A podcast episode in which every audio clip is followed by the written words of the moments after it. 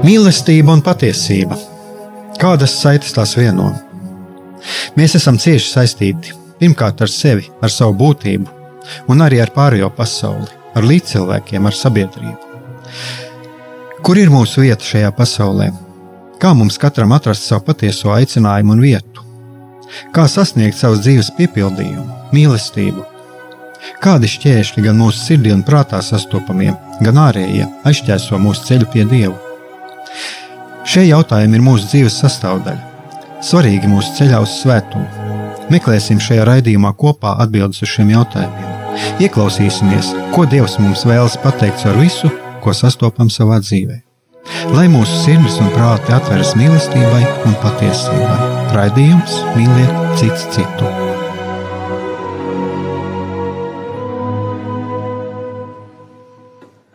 Lai top slavēts Jēzus Kristus, esiet sveicināti, darbie radioklausītāji. Šis atkal ir raidījums Mīliet cits citu.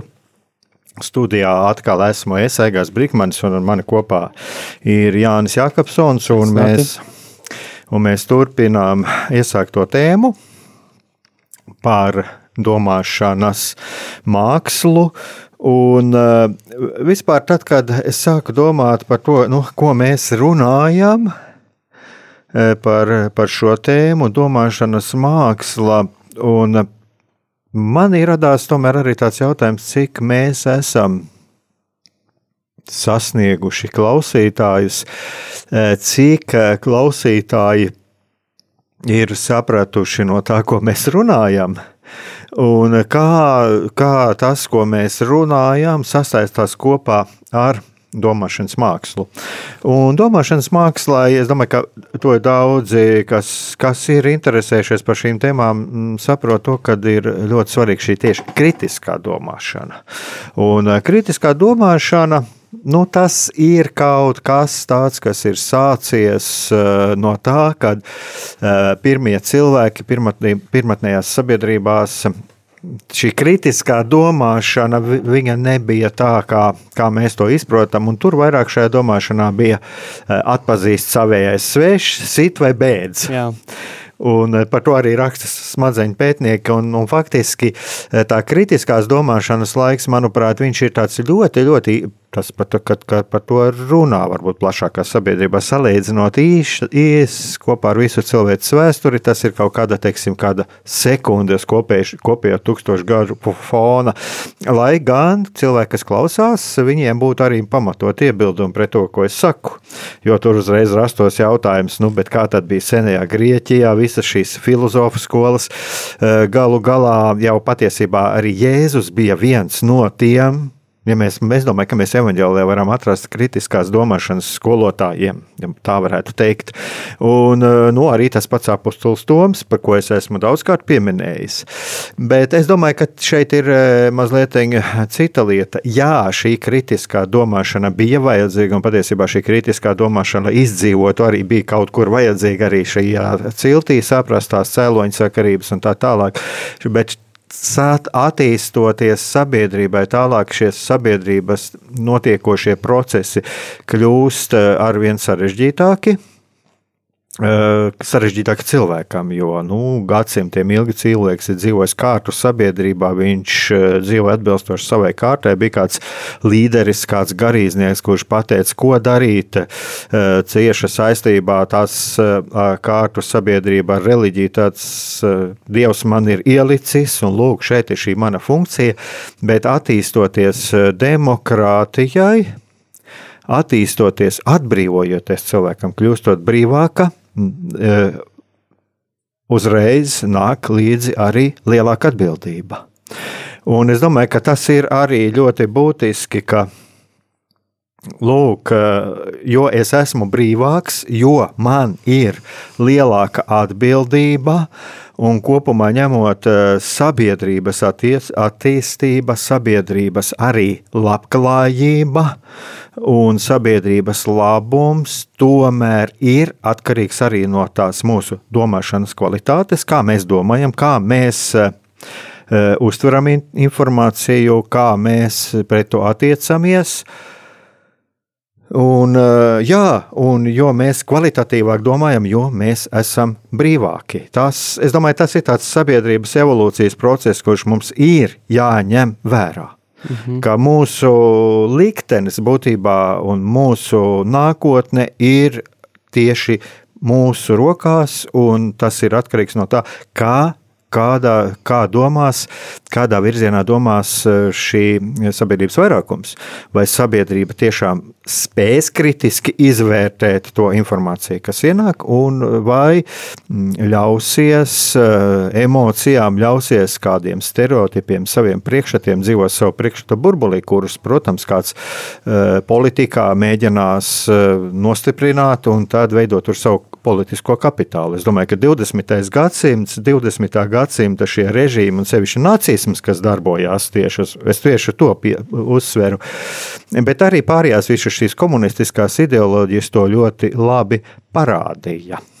Kad man bija reiz arī šeit raidījums, ja, kur mēs Roto Ozolu runājām, ja, un arī man šis raidījums, ja, cik tālu varēja ļaut runāt, piemēram, Hitleram, kurš tomēr daļu sabiedrības spēja uzrunāt. Un, lūk, un tāpēc es domāju, ka man tāds garš ievads iznāca Bet tā ir tā doma, jā, kad mēs runājam par psiholoģiju, un atkal mēs runāsim par psiholoģiju, bet uh, tas ir tas, ko es gribēju pateikt. Arī šī mana doma, kāpēc es ierosināju, man bija šī doma par šo tēmu, par šo domāšanas mākslu, tāpēc, ka šie psiholoģiskie procesi, ietekmē mūs, un uh, tur ir arī savi cēloņi, un tas ietekmē tāpat arī mūsu garīgo dzīvi. Mm -hmm. Jā, secināt, dārgie radio klausītāji.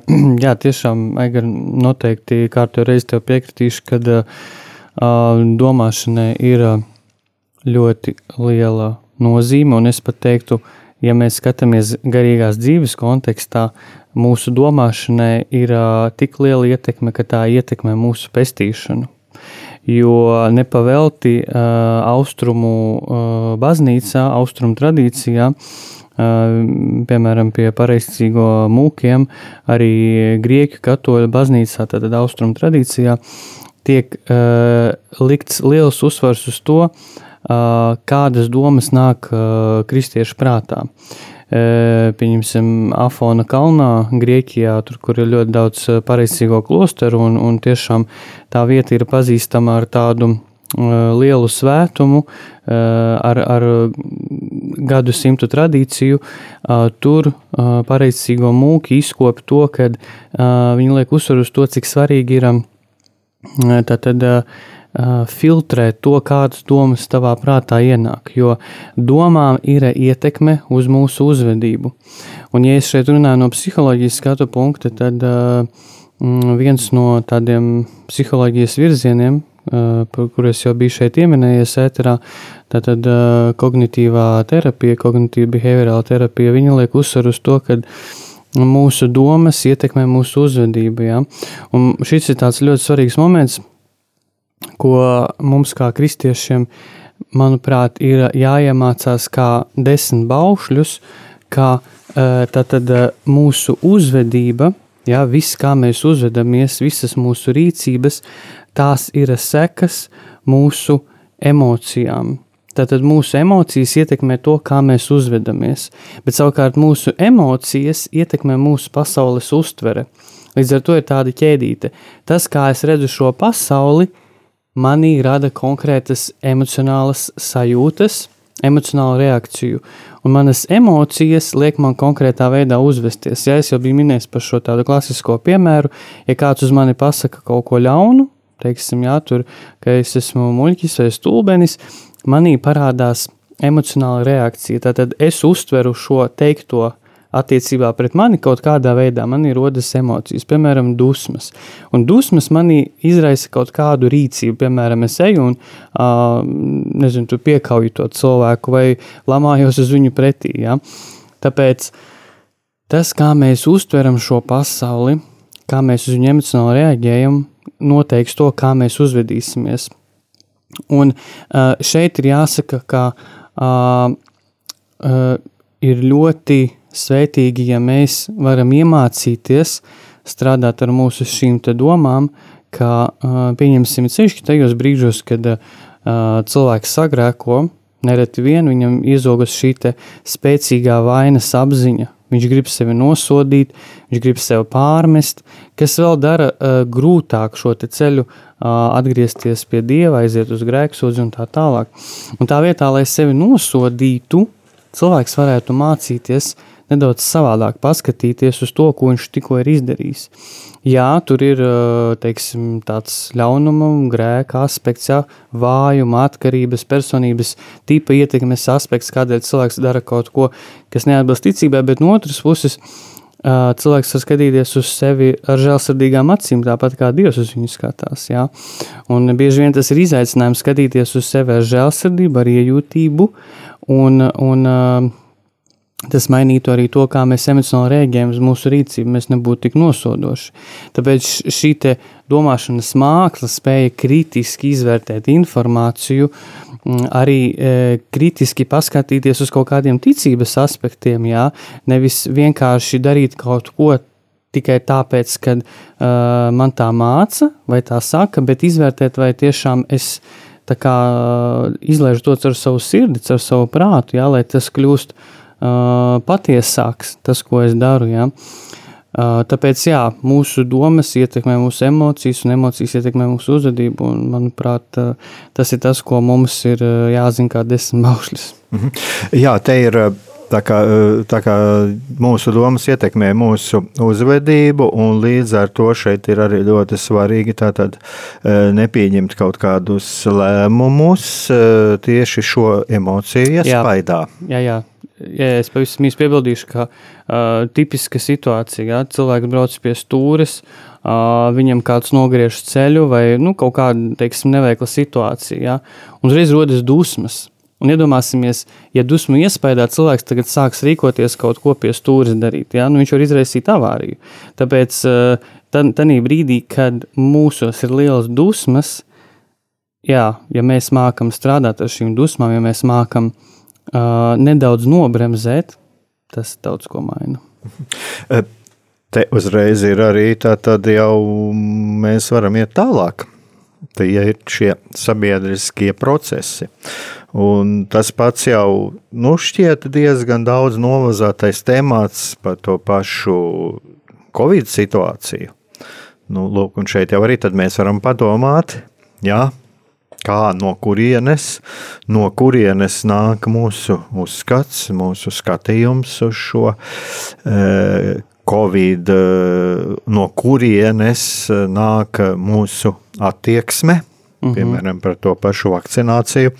Un, ja mēs paskatāmies kaut vai pēc tās pašas statistikas, tad e, kāpēc Latvijā ir e, tas vismazāk vakcinēto skaits?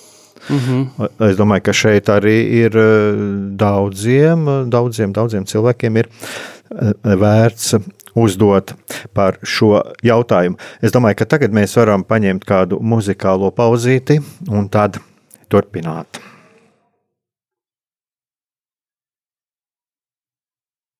Veni.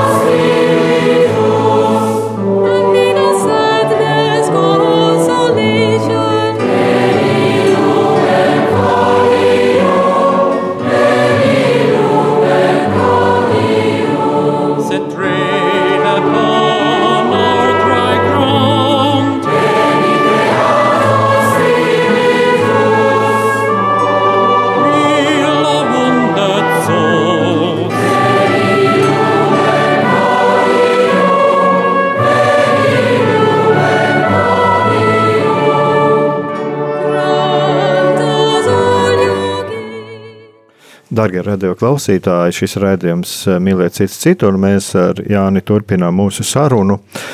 Un, eh, un te jau mēs jau ieminējāmies jau pirms šī pirms uh, muzikālās pauzes par šo emociju ietekmi, un, un, un, un es pieminēju arī par to, ka tomēr arī paskatīties uz kaut kādiem šiem, ir ļoti svarīgi paskatīties arī uz šiem sabiedrībā notiekošiem procesiem, kaut vai uz to pašu Covid situāciju, kāpēc cilvēki domā un uztver tā un ne savādāk. Un tāpēc arī Jānis, es zinu, ka ir mhm. kaut kas arī par šo sakāms. Jā, nē, nu tā doma ir tāda, ka, ja mēs runājam teiksim, par kaut kādu krīzes situāciju, ja mēs runājam par kaut ko, kas mūsu dzīvē vai teiksim, valsts, valstu līmenī notiek tāds akūts, negaidīts, ko mēs varētu saukt par krīzi, tad, ja mēs attiecinām to uz Covid, jau uz šo pandēmiju vīrusu, tad uh, kāpēc ir cilvēku grupa, kas pieķerās radikālām sazvērstības teorijām, ļoti vienkārši iemesla dēļ. Un šis iemesls ir tāds, ka uh, tas nav noslēpums, ka daudziem, es teiktu, katram no mums dzīvot neziņā ir ļoti grūti. Uh, dažreiz, kad mēs tā, teiksim, tā, iegrimstam tādās eksistenciālās pārdomās, kas mani sagaida pēc gada, pēc pusgada, kad es sastapšos ar nāvi. Šie jautājumi viņi mūsos rada trauksmi, tāpēc, kad viņi ir jautājumi, uz kuriem mums nav atbildes, jo tas ir kaut kas, kas ir ārpus mūsu kontrols. Mēs nezinām, kad, stās, kad mēs stāsimies Dieva priekšā, mēs nezinām, kas notiks pēc stundas un tā tālāk. Ja? Un tas, ko mēs nevaram kontrolēt mūsu dzīvē, dabiskā veidā izraisa trauksmi.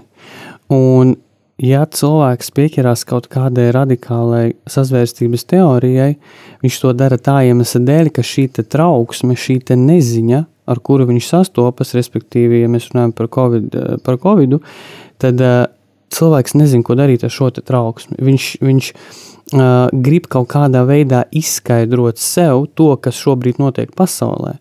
Un tādēļ viņš izvēlas kādu no šīm radikālām sazvērstības teorijām, uh, Tādā veidā viņa palīdz viņam izvadīt to trauksmi. Ja? Tagad cilvēkam it kā rodas skaidrība, kas ir ienaidnieks, kas ir vainīgs, ko vainot. Uh, viņš atrod piederību kaut kādai grupai, kurā viņš jūtas nosacīti pieņemts, kur ir izskaidrots, kas ir šis par ienaidnieku, ja? un tādā veidā viņa trauksme sublimēs, ja viņa tā kā nu, novadās ja, tādā virzienā. Uh, bet, ja cilvēks nevar izskaidrot ja, to, kas šobrīd notiek, tas viņā rada trauksmi. Neziņa rada trauksmi. Un tāpēc, lai nedzīvotu šajā neziņā, cilvēks izvēlas pieķerties kaut kādai teorijai, jo tā viņam dod šo te it kā zināšanu. Ja. Uh, nu, tāds izskaidrojums, tāpēc, uh, jā, jā. Bet es vakarā klausījos uh, vienas ārstes uh, tagad neatcerēšos viņas vārdu, vienas ārstes eh, interviju par, eh, par eh, Covid-19.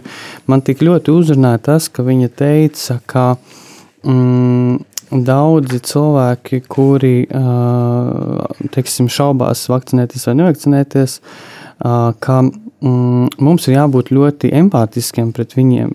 Jo arī tas, ko mēs saskatām teiksim, no, no akcionēto puses nereti vien ir tāds, ka nu, ir kaut kāda iesmiešana, ja, ja, vai tāda, nu, varbūt pat nicinājums pret tiem cilvēkiem, kas nevakcinējas, tas īstenībā rada tikai plaisu starp vienu un otru grupu, ja, un tā vietā, lai mēs būvētu to tiltu, mums ir jābūt empātiskiem, un, un ir jāmāk izstāstīt tādā, nu, mīlošā veidā, kādēļ šis viss ir tik ļoti svarīgi, ja, kas notiek un, un kādēļ teiksim, ir svarīgi vakcinēties vai nevakcinēties. Nu, tā, tā, tādā ziņā ir jābūt tādai empātiskai pieejai. Jā.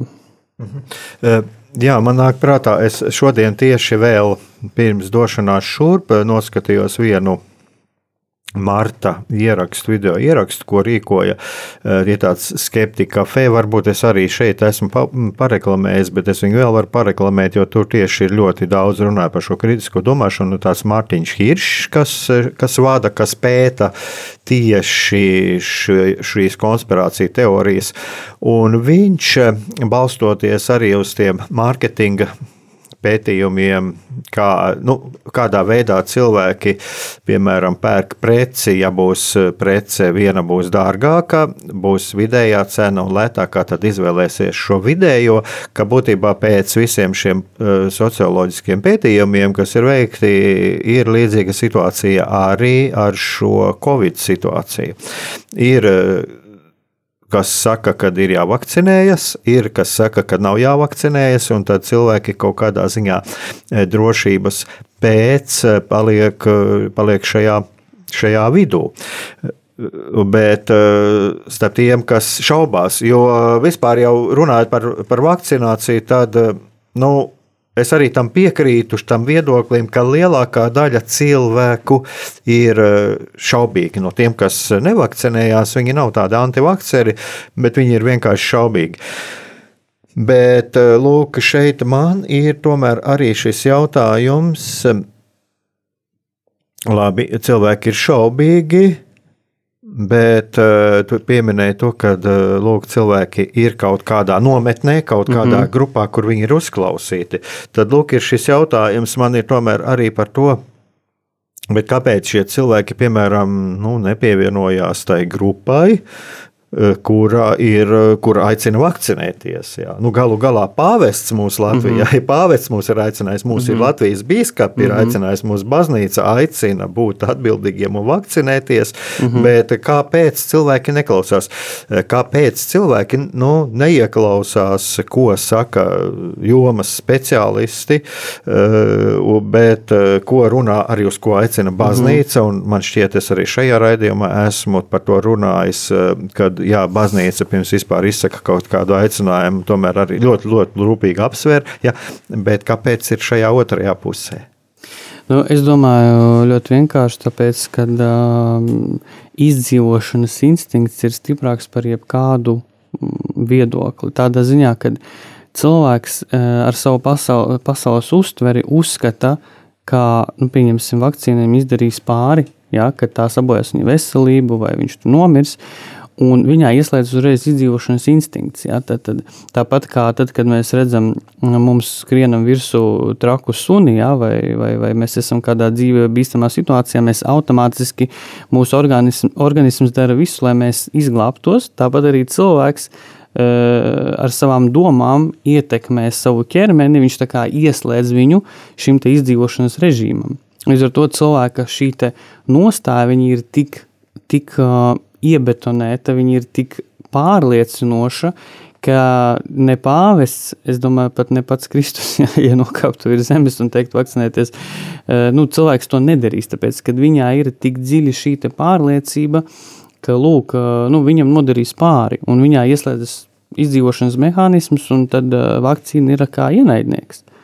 Jā, Nu jā, lūk, šeit ir, bet šeit ir šis jautājums. Nu, ja mēs runājam, ja pats Kristus nokāpa no debesīm, es esmu arī dzirdējis tādu viedokli, arī, kam es piekrītu, ja Kristus nokāpa no debesīm, tad pirmie, kas viņu izdzītu no viņa no baznīcas ir ļoti daudzie pareizie kristieši, mm -hmm. kuri. Ja, tā, kā, tā kā es par to nebrīdītos, ja, bet, bet lūk, šis, šeit ir šis jautājums, kāpēc? Kas tā ir pārliecība? Šis, ja? jā, kas ir šis mehānisms, kas mm -hmm. liek cilvēkiem, nu, man bija, teiksim, saruna, tā, ne, saruna saraksti ar cilvēku, ja, kas kas eh, šķietami tā pirms šī, šī Covid ļoti racionāli runāja. Tā, bet tad man atsūta video no tā paša bēdīgi slavenā eh, uzcenāto krānūdens tirgotāja. Ja, un, Labāk nereklamēsim. Nereklamēsim, jā, bet eh, es viņam aizsūtu, cilvēkam aizsūtu pretī, kur viņš nu, tiešām pie Dombura nu, nu, kapitāli izgāžās, ja, kur viņu nu, pieķer melos par visu. Ja, kā viņš tur stāsta, kā tur, mm -hmm. kā mhm. tur tas ūdens esot struktūrā strukturēts un tā, bet pēc tam mhm. noliek vēl zinātnieki, kur pasaka, ka patiesībā šis cilvēks, kas tirgo ar visu savu ūdeni, ir senāks, iznāk kā visa zemeslode. Nu, nav iespējams tas. Ja. Mhm. Nu, lūk, un es šim cilvēkam aizsūtu, es saku, vai tu tici šim cilvēkam, kas jau šādā veidā melo? Es ticu. Un tad lūk, šis jautājums, mm, kad patiesība, argumenti Nu, zinātniski mm -hmm. un loģiski argumenti. Ja? Un es domāju, ka mūsu mediķi tagad, es, starp citu, vēl viena lieta, ko es noklausījos, arī viena tiešraidi, ja, kur ārstu biedrība runāja arī patiešām, ka kritiska situācija slimnīcās, ka trūks gults, un to saka mediķi, kuri tur blakus. Mm -hmm. Un es paskatījos komentāros, nu, komentāri ir šokējoši. Mm -hmm. Cilvēki, kuri tur nav bijuši klāt, viņi raksta, ka mediķi melo. Un, lūk, un, un šeit ir šī lieta, kāpēc, kas ir šis mehānisms. Jā. Tāpēc es arī mm -hmm. varbūt ar šo garo ievadu sāku. Mm -hmm. Ar šo garo ievadu par, par to, kāpēc ir vajadzīga šī kritiskā domāšana un Un patiesībā šeit jau mums pietrūktu laika, lai mēs spētu visu izrunāt, ko nozīmē šī kritiskā domāšana. Mm -hmm. Bet šeit ir šis jautājums, kas ir tas mehānisms, kas ieliek cilvēku šajā noliedzēju, un es teikšu, tā šajā gadījumā zinātnes noliedzēju burbulī. Mm -hmm. Jā, nu šeit es varu teikt, ka. Uh tas, kādēļ cilvēkam var būt šī tik, tik spēcīga pārliecība, ir noteikti saistīts ar viņa uh, piesaisti, jā, ar to, kā viņš ir izveidojis piesaisti ar šo pasauli. Un, kā jau biju teicis iepriekšējos raidījumos, piesaisti mēs veidojam agrīnā bērnībā. Un tā agrīnās bērnības pieredze paliek uz visu mūsu atlikušo dzīvi.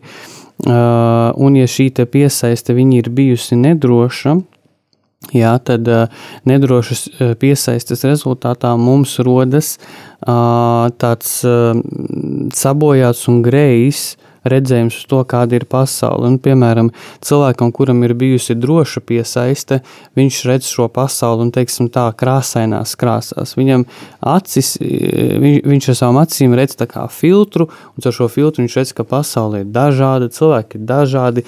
Jā, varbūt nevis varbūt, bet ir cilvēki, kas ir ļauni, ļauni rīkojas, eh, sautīgi un tā tālāk, bet viņš uzticās, ka ir, ka ir arī labi cilvēki, ka pasaule nav pazudināta, jā, un, un viņš meklē iespējas, viņš var kļūdīties, viņš sev par to nenosoda un tā tālāk.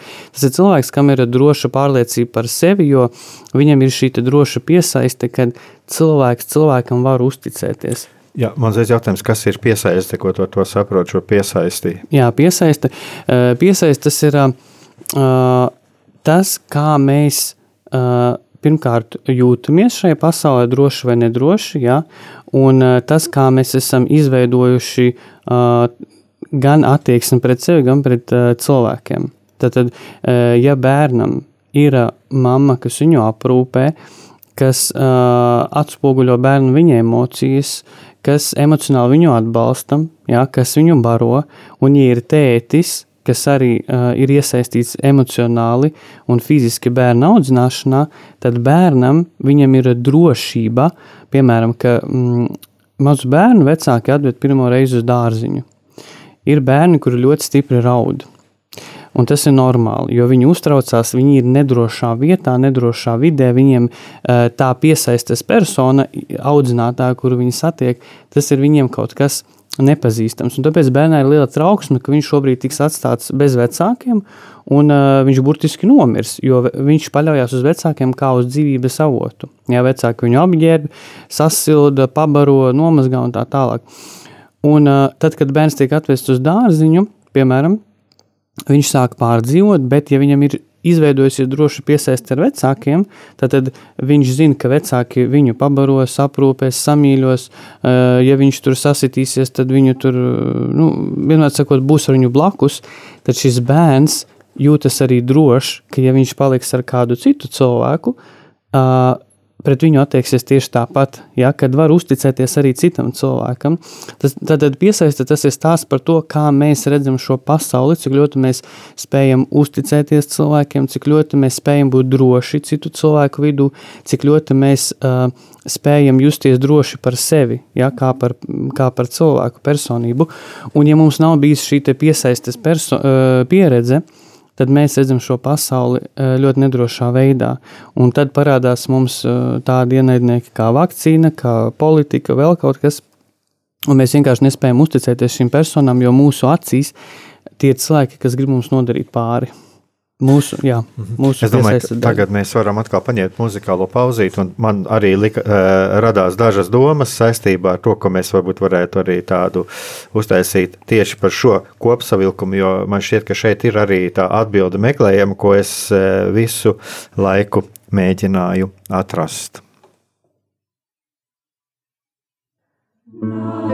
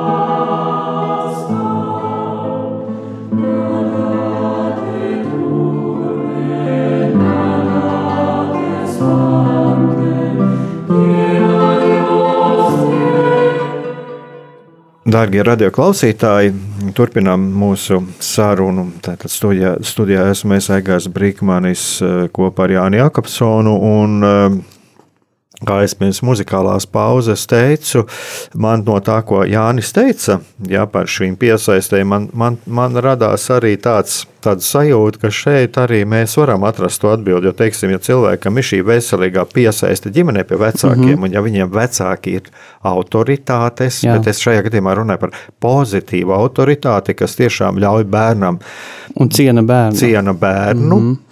Es uh, tomēr vēlos arī uzsvērt šo vārdu pozitīva autoritāte, kas mīlestībā audzina savu bērnu, ciena savu bērnu kā personību, mm -hmm. ir mācās ģimene, kurā pastāv savstarpēji cīņa, savstarpēji mīlestība un arī atklātība, mm -hmm. godīgums. Tad lūk, šīs bērns iemācās arī uzticēties autoritātēm. Jā, jā, jā. jā. Un tajā gadījumā viņš uzticēsies arī tam mediķim, tam mm -hmm. medicīnas speciālistam, viņš arī citās jomās uzticēsies. Viņš uzticēsies arī baznīcas autoritātēm. jā. Un es atkal gribu teikt, ka uzticība tāda tā nebūs šī naivā uzticība, ja, bet tā būs paļaušanās uz to, ka šis cilvēks viņš ir speciālists mm -hmm. savā jomā. Jā, viņš kaut ko zina, ko es nezinu. Jā, viņš kaut ko zina, ko es nezinu. Un, uh, un kas ir arī ļoti interesanti, ir tas, ka uh, tur, kur ir savstarpēja cieņa, un savstarpēja mīlestība, eh, tur eh, cilvēks arī iemācās šo kritisko domāšanu. Jo es kādreiz, tad, kad teiksim, cilvēkiem, kas arī pie manis uz sarunām ir, un tad kādreiz iznāks runa par par šo cilvēka brīvību, tad man parasti ir tā, saku, ja tu pieņemsi kaut kādu lēmumu, tāpēc, ka tas ir tavs lēmums, tavs aicinājums, tad šī mūsu tikšanās tā ir. Tad tam ir ļoti mm labi augli. Mm. Ja tu pieņem kaut kādu lēmumu tikai tāpēc, ka es esmu autoritāte un es kaut ko pasaku, tas varētu būt labi, nu, tur varētu būt apakšā kaut kāds risks. Un es domāju, ka tā ir arī, kur ir tā savstarpējā mīlestība. Tur arī cilvēks nāk, arī uh, iznāk no šīs vides ar šo spēju uh, kritiski domāt un kritiski mm -hmm. izvērtēt to, kas viņam tiek likts priekšā. Jā, un sakarā ar piesaisti es paņēmu speciāli līdzi tādu mm, ļoti, ļoti labu grāmatu. Un līdzīgi kā es teicu, ka mums, kristiešiem, tāpat kā jāzina desmit baušļus, ir jāzina šo tādu psiholoģisko likumu, ka mūsu domas ietekmē mūsu emocijas un emocijas mūsu uzvedību. Līdzīgi arī es uzskatu, ka mm, katram cilvēkam mājās ir jābūt uh, tādai rokas grāmatai uh, par, par cilvēka emocijām, psiholoģiju. Šajā gadījumā šī grāmata ir um, tavs iekšējais bērns, grib atrast mājas. Ja? Viņa ir uh, vācu uh, autores, vācu psihoterapeites uh, grāmata, bet viņa ir uh, latviešu iztulkota, viņa ir pieejama grāmatnīcās. Varu parādīt kamerā mums šeit. Šādi te viņi izskatās. Jā. Šī grāmata, un kāpēc es par viņu ieminos? Tāpēc, ka uh, šī grāmata ir ļoti laba tāda, uh, tiešām kā rokas grāmata tam, kas uh, ar mums, kā cilvēkiem, emocionāli notiek, mums ir trauksme, depresija, kā mūsu bērnības pieredze ietekmē mūsu tālāko attīstību. Un, uh, un uh, ļoti vienkāršā tādā pieejamā veidā šeit tiek par to runāts. Un es gribu nolasīt vienu tādu mm, vienu tādu mm, definīciju, kas šeit minēta. Tātad, iet runa par iekšējo bērnu, ja, bieži vien psiholoģijā, psihologi min šo te terminu iekšējais bērns, un mums var rasties jautājums, kas tas ir. Ja, tad, tad iekšējais bērns, ā, kā, kā psiholoģijā mēs to redzam, tas ir tātad, ā, iekšējais bērns ir visu to bērnības iespaidu summa, ko esam pieredzējuši no vecākiem un citām piesaistes personām.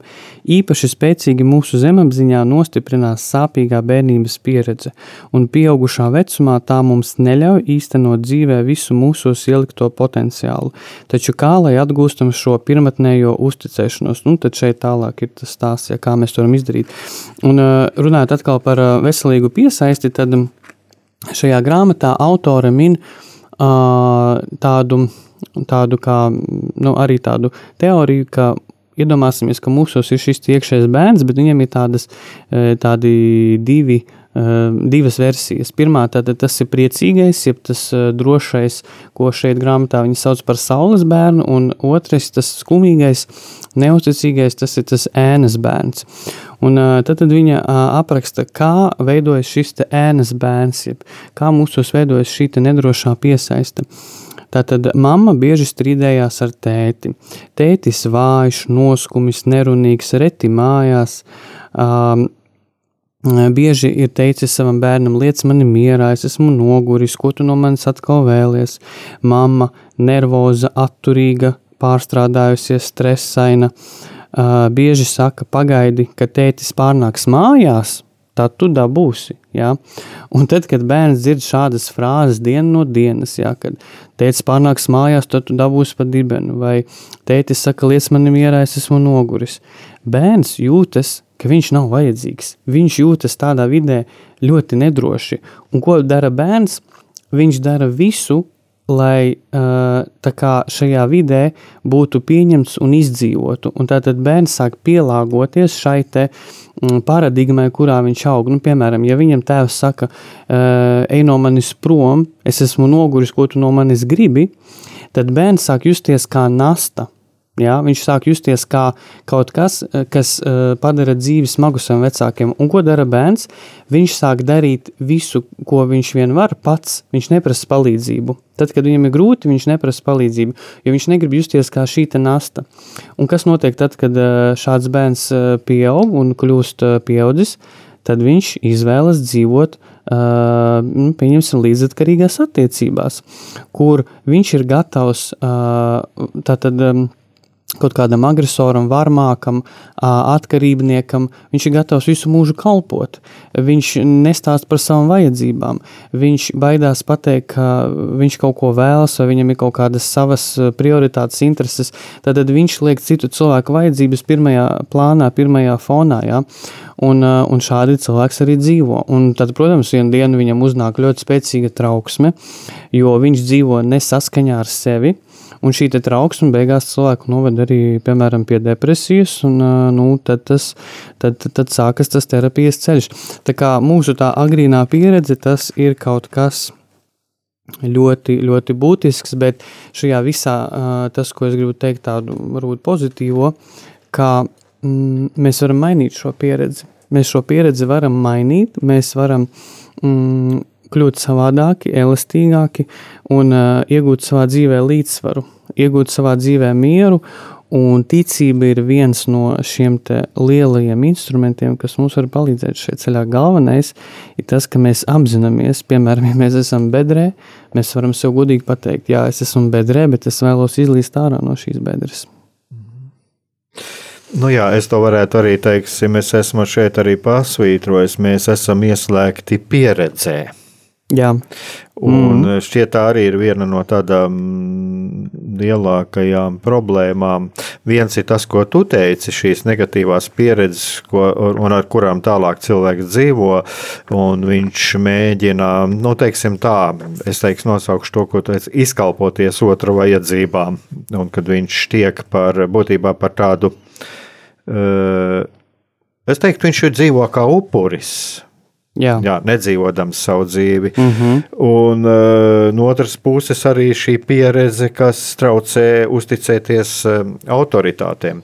Bet, uh, Jā, un šeit, šeit mēs varētu arī kādreiz par to arī parunāt, ka cilvēks tad arī viņš vieglāk ģimenē neuzklausītais, bet viņu atrod kādi citi, kur viņš tiek mm -hmm. labprāt uzklausīts, un tur arī var būt eh, dažādas destruktīvas idejas. Nu, mēs esam dzirdējuši par eh, jauniešu kompānijām un tādām lietām, bet ir jau jāpadomā arī tas, ka Nu, ja mēs teiksim, atkal paskatītos dažādu partiju līderu un dažādu ekstrēmo kustību dalībnieku biogrāfijās, es domāju, ka mēs daudz kur atrast arī to, ka viņi ir dzīvojuši tādā vidē, kur viņi nav kā bērni uzklausīti, un tagad pēkšņi viņi, viņi ieiet kaut kur, kur, eh, kur, kur viņus uzklausa. Protams, ir arī kāds ienaidnieks, jā, pēdiņās, jā, eh, kuru, pret kuru karot ir, eh, ir savs cietoksnis, kurā patvērties, un viņš beidzot jūtas kā savējais.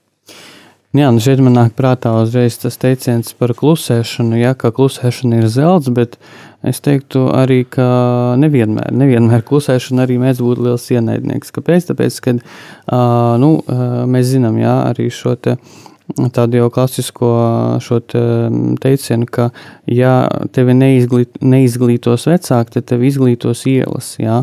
Un, piemēram, tad, kad bērnam sāk rasties jautājumi par viņa ķermeni, jā? kādēļ viņam ir kādi dzimuma, kādēļ viņam ir tas dzimuma orgāns, kāds nav pretējam dzimumam, kad viņam sāk rasties interese par savu seksualitāti. Jā. Kādēļ puisis un meitene ir atšķirīgi, kad, kad meitenei sāk parādīties pirmās mēnešas un tā tālāk. Ja vecāki nerunā savu bērnu, ja viņi neļauj bērnam izteikties un nerada drošus apstākļus, kur bērns mm, var izteikties, ja, tad, tad bērns meklēs šīs atbildes citur. Viņš meklēs internetā, viņš meklēs pie pusauģiem, un nereti vien jā, viņš aizies pa to ceļu, kur nu, tā, viņš padarīs savu dzīvi grūtāku, ja, savu dzīvi smagāku. Un, un tad daudz vecāki nāk ar pretenzijām pie nezinu, tur pie skolotājiem vai, vai, vai, vai meklē palīdzību pie psihologa. Ot, man ir slikts bērns, jā, viņš tur tā uzvedās, kāpēc viņš ir nogājis no ceļa, jā, kāpēc viņš tur neiet uz baznīcu vairāk un tā tālāk. Bet viss pamatā ir tas, ka vai tu esi runājis ar savu bērnu, Vai tu esi viņam veltījis nedalītu uzmanību, vai tu esi ieklausījies viņa pārdzīvojumos, vai tu esi interesējies par to, kas ar viņu notiek. Ja? Varbūt, nu, ja, ja bērns par kaut ko nerunā ģimenē, tas nozīmē, ka viņš jūtas nedroši. Ja, viņš nejūtas droši izpausties, viņš, viņš baidās, ka varbūt viņu nosodīs, ka būs kaut kāda agresija, un tāpēc bērns vienkārši nerunā.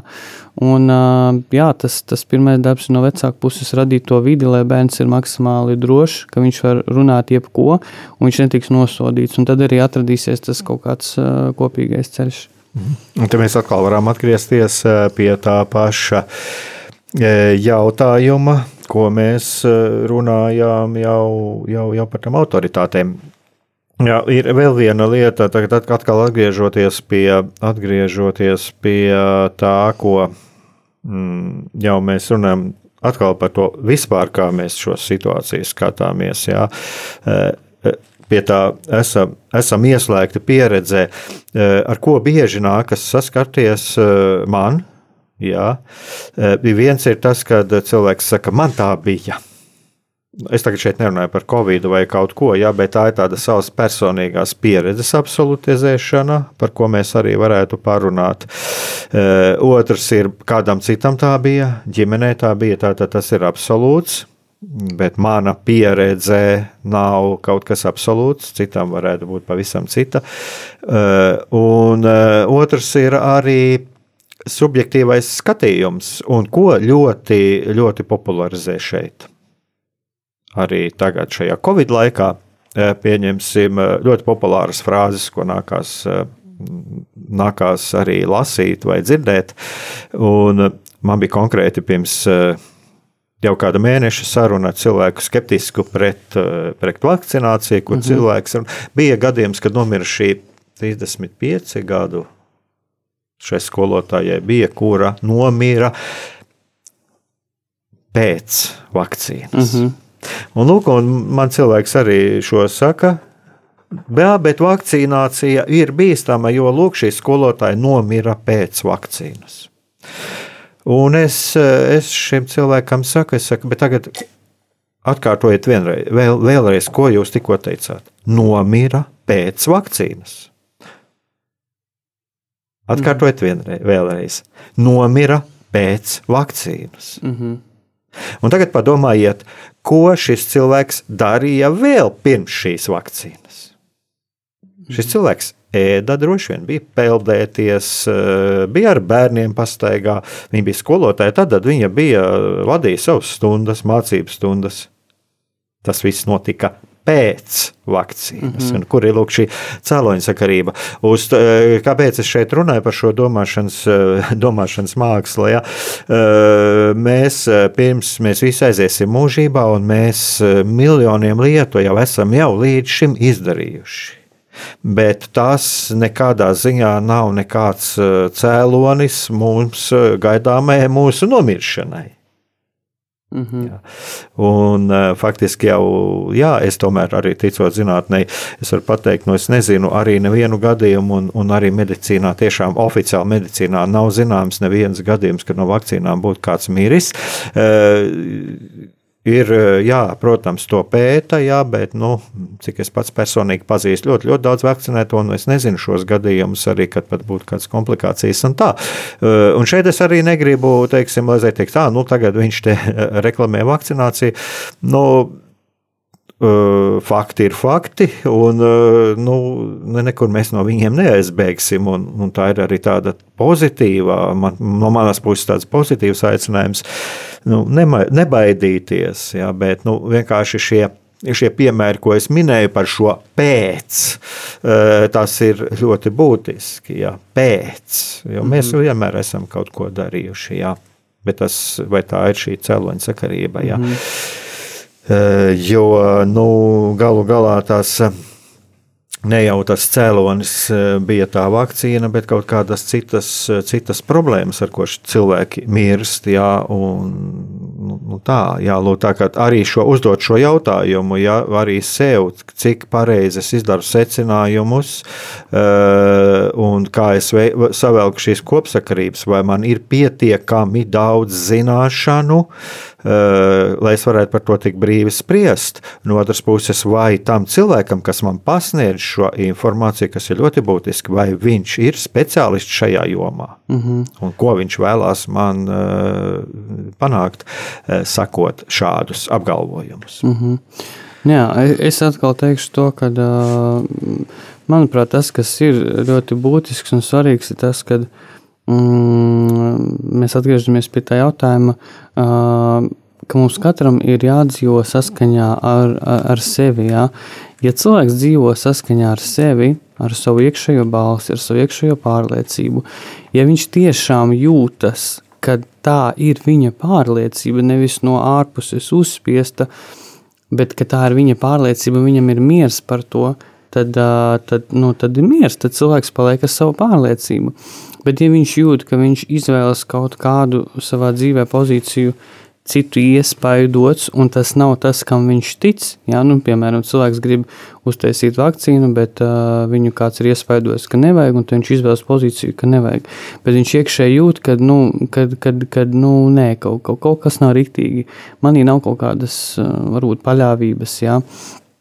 Uh, un tā, uh, tad jautājums, nu, jā, vai cilvēks dzīvo saskaņā ar sevi, jā, un, un atkal varbūt pretējs stāsts, jā, ka, teiksim, cilvēks tiešām jūt to, nu, ka viņš to negrib, jā, ka tā nav viņa pārliecība, viņam ir par to absolūts miers. Tas, vai viņam ir taisnība vai nē, tas jau ir cits jautājums, bet, ja cilvēkam ir šāda pārliecība, nu, mēs nevaram viņu terorizēt, kad, nu, jā, tagad maini savu viedokli. Tāpēc es esmu par to, ka cilvēkam pašam ir jānonāk pie kaut kā, bet viņam ir jāsaprot, kādēļ viņš ir kaut kādā konkrētā tā kā, pārliecībā, kādēļ viņš domā tā, kā viņš domā. Uh, nu, tā kaut kā. Un, um, Tas līdzīgi kā ar ticību. Ja? Nu, mēs nevaram uzspiest ticību. Cilvēks, ja viņš vēlas, viņš tic, ja viņš negrib, viņš netic. Uh, un, un viņam vienkārši godīgi sev jāpasaka, kādēļ viņš nu, izvēlas vienu vai otru pozīciju. E- Es tev gribēju par to, par to otro, uh, par to priecīgo bērnu, jeb to saules bērnu minēt, ka, uh, tad, kā, kā jūs dzirdējāt, pirms laika es biju lasījis to iekšējo bērnu tas ēnas bērns, ja kam ir tā negatīvā pieredze. Un, un tagad es gribu pastāstīt, kā izskatās mūsu tas iekšējais bērns. Ja, Ja mums arī jāskatās, ir mazliet laiku, jau tuvojas uz noslēgumu. jā, es domāju, ka paspēšu. paspēšu. Tad, tad, eh, ja mēs jūtamies drosmīgi, atvērti, toleranti. Ja, ja mūsu tētis ir bijis pret mums mīļš, jauki ar mums spēlējās, mamma bija jautra, cīnījās par mums, vienmēr garšīgi, labi, varbūt nevienmēr, bet garšīgi gatavoja, rūpējās par, par to, lai es esmu pāēdis.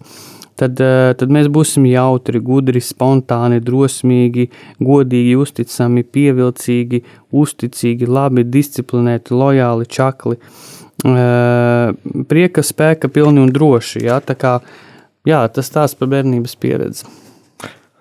Tad arī paliksim pie tā un tiešām nebūsim. Neskumsim par to, ja arī mūsu dzīves pieredze nav bijusi šī bērnības pieredze, tāda kāda ir bijusi šim saules bērnam, bet Dieva acīs mēs visi esam šie saules mm -hmm. bērni, un mēs varam neatkarīgi no mūsu vecuma, no mūsu sabiedriskā statusa, arī piedzīvot. Un es ticu, ka mēs varam piedzīvot arī šeit, jau šajā. Šajā šīs zemes dzīvē šo saules bērna būtību un sajust to mīlestību.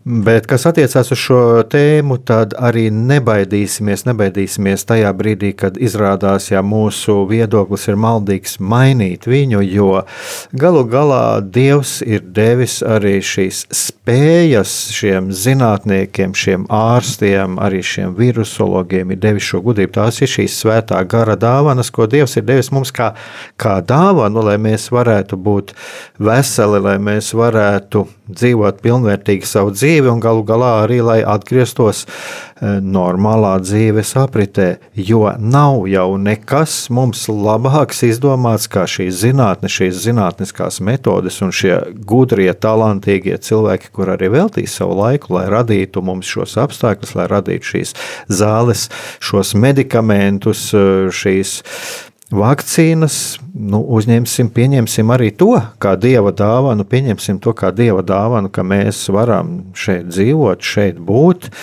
un ka mums ir šī iespēja, mums ir dota šī iespēja atgriezties normālā apritē, sabiedrībā, darbā, izklaidēs, arī baznīcā, kopienās, visur būt kaut kad atnāks šis laiks, ka mēs droši varēsim būt kopā. Nebaidīsimies, nebaidīsimies no tā, jo, jo tas ir tas, ko mums ir Dievs devis, un nebaidīsimies arī uzticēties autoritātēm, tie, kas ir savas jomas speciālisti. Jo Dievs mums viņus tādus ir devis, lai tiešām lai mēs būtu veseli, lai mēs varētu būt eh, šeit, klāt, un manam, man pašam personīgi, un es domāju, arī Jānim, lai mēs varētu šeit dalīties ar jums un varētu būt ar, ar jums, ar visiem mums mīļiem, tuvajiem cilvēkiem, un arī priecāties, pateikties Dievam un slavēt Dievu. Un tagad noslēgsim atkal ar lūkšanu. Jā, palūksimies. Mīļais debes Tēvs, dod mums katram saprast to, ka mēs esam vērtība tavās acīs, un Mēs zinām, ka tu mums esi klātesošs un sūti mums savu svēto garu, lai mēs apzinātos, ka mēs visi esam tavi mīļotie saules bērni. To mēs lūdzam caur Jēzu Kristu, mūsu kungu. Āmen! Amen. Uz tikšanos nākamajā reizē!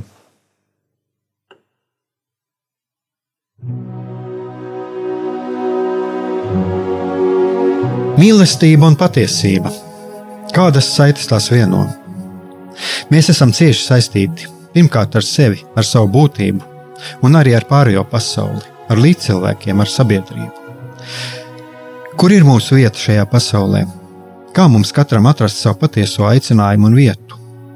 Kā sasniegt savas dzīves piepildījumu, mīlestību? Kādi šķēršļi gan mūsu sirdī un prātā sastopamie, gan ārējie aizķēso mūsu ceļu pie Dieva? Šie jautājumi ir mūsu dzīves sastāvdaļa, svarīgi mūsu ceļā uz svētumu. Meklēsim šajā raidījumā kopā atbildes uz šiem jautājumiem. Ieklausīsimies, ko Dievs mums vēlas pateikt ar visu, ko sastopam savā dzīvē. Lai mūsu sirds un prāti atveras mīlestībai un patiesībai, raidījums mīliet cits citu.